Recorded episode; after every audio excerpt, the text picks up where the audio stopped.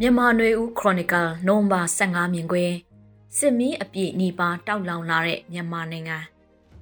အောက်တိုဘာ29ရက်နေ့က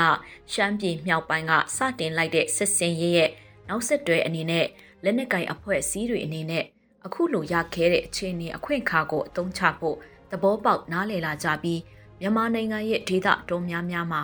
အခြေစိုက်လှုပ်ရှားနေကြတဲ့လက်နက်ကင်အဖွဲ့တွေတပြိုင်နက်တည်းဆိုသလိုစစ်ကောင်စီတပ်တွေကို တိုက်ပွဲဖော်ဆောင်ကြပြီးအားနည်းတဲ့နေရာတွေက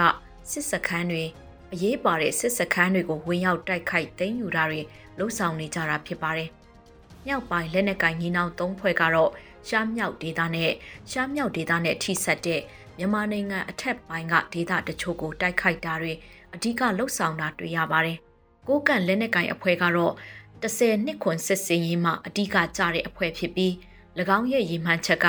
ကိုကန့်ဒေတာပြန်လည်သိမ်းယူစိုးမိုးနိုင်ရေးဖြစ်ပါတယ်။ဒီလိုပြန်လည်သိမ်းယူနိုင်ရေးမှာနိုင်ငံရေးအရာရည်ရွယ်ချက်တွေရှိမဲ့အပြင်အကျိုးစီးပွားတွေလည်းဆက်နွယ်နေလိမ့်မယ်လို့မှန်းဆရပါတယ်။ကိုကန့်လက်နက်ကင်အဖွဲ့နဲ့မဟာမိတ်ဖြစ်တဲ့ GNLA နဲ့ AA အဖွဲ့တို့အနေနဲ့လည်းမဟာမိတ်အဖွဲ့ဖြစ်တဲ့ကိုကန့် MNDA ကိုကူညီတိုက်ခိုက်တာနဲ့တပြိုင်နက်တည်း၎င်းတို့အဖွဲ့အစည်းအသီးသီးရဲ့စစ်ရေးရည်မှန်းချက် စီယုံရေးရည်မှန်းချက်တွေကိုလည်းဖော်ဆောင်နိုင်တဲ့သဘောလို့ယူဆရပါတယ်။ဒီ30နှစ်ခွန်စစ်စင်ရေးနဲ့တနေ့တည်းမှာကိုကရိတ်မြို့ကို KNLA နဲ့ပူးပေါင်းအဖွဲ့တွေဝင်တိုက်တာနောက်ရက်အနည်းငယ်ကြာမှာကရင်ပြည်နယ်ကြာအင်းစိတ်ကြီးမြို့ကို KNLA နဲ့ပူးပေါင်းအဖွဲ့ကပဲတိုက်ခိုက်ခဲ့တာတွေဖြစ်ပွားခဲ့ပါတယ်။ KNU KNLA အနေနဲ့တော့မြောက်ပိုင်းညီနောင်သုံးဖွဲ့ရဲ့စစ်စင်ရေးလိုနေမြေအများပြားမှာတိုက်ခိုက်တာတွေစခန်းသိမ်းယူဖို့စ조사တာတွေ ချက်ချင်းမလုံနိုင်တဲ့အကြောင်းလဲသတင်းမီဒီယာအင်တာဗျူးတစ်ခုမှပရိုစောတော်နီကဖြေကြားထားတာကိုတွေ့ရှိရပါတယ်။ရှမ်းပြည်မြောက်ပိုင်းကရင်ပြည်နယ်ကကော့ကရိတ်တို့အပြင်ချင်းပြည်နယ်မှာအခြေစိုက်တဲ့ CNF နဲ့ဒေသကာကွယ်ရေးအဖွဲ့တွေပူးပေါင်းပြီးချင်းပြည်နယ်မြောက်ပိုင်းကရီခေါ်ဒါမြို့ကိုပြီးခဲ့တဲ့ရက်ပိုင်းမှာတိုက်ခိုက်ခဲ့ပြီးအခုအခါမြို့ဟာ CNF နဲ့ဒေသကာကွယ်တပ်ဖွဲ့တွေရဲ့ထိန်းချုပ်မှုအောက်ရောက်ရှိသွားတဲ့သဘောဖြစ်ပါတယ်။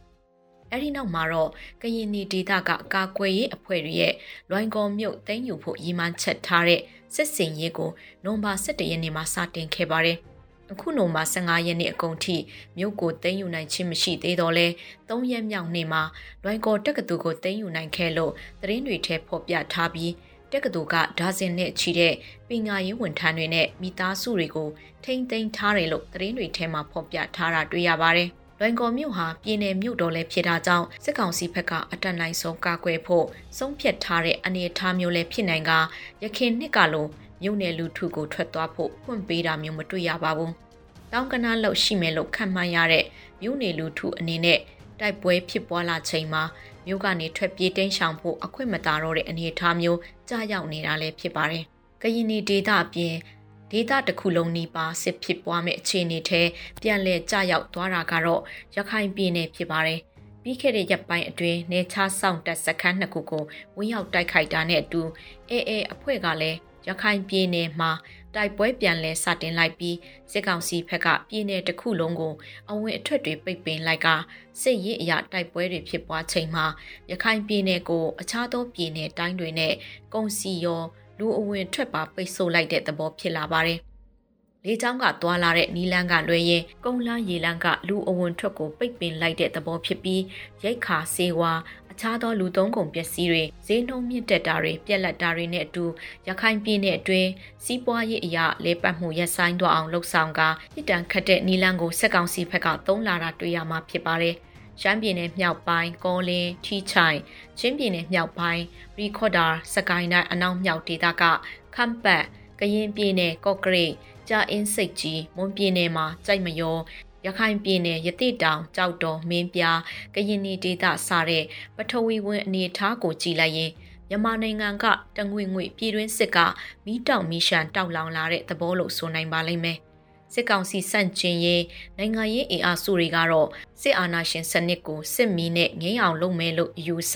logic ကိုင်းဆွဲထားကြတဲ့သဘောဖြစ်ပါတယ်စစ်မီးနဲ့စစ်အာဏာရှင်စနစ်ကိုငြိမ်းတယ်လို့စစ်ဝါဒကိုပါကြီးထွားမလာအောင်တတိပြုတ်ဖို့လဲလိုအပ်ပါတယ် လက်နက်သီးသားအဆုံးဖြတ်ဆိုတဲ့စကားလုံးတနည်းအားဖြင့်မော်စီတုံးစကားနဲ့အာနာဟာတနက်ပြောင်ဝါကထွက်တဲ့ဆိုတဲ့အယူဆကအရှိတရားကိုပြောတာသာဖြစ်ပြီးဖြစ်စေခြင်းနဲ့စံနှုံးတန်ဖို့အခြေအနေတော့မဟုတ်ဘူးဆိုတာသဘောပေါက်ဖို့လည်းအရေးကြီးတာဖြစ်ပါတယ်စစ်မီတောက်လောင်မှုရဲ့အကျိုးရလက်ကတည်ငြိမ်ရေး ငိမ့်ချရေးဖြစ်ဖို့ရည်ရွယ်ကြတယ်လို့ဆိုရင်တည်ငြိမ်ရေးငိမ့်ချရေးဟာနိုင်ငံရေးအယူဆ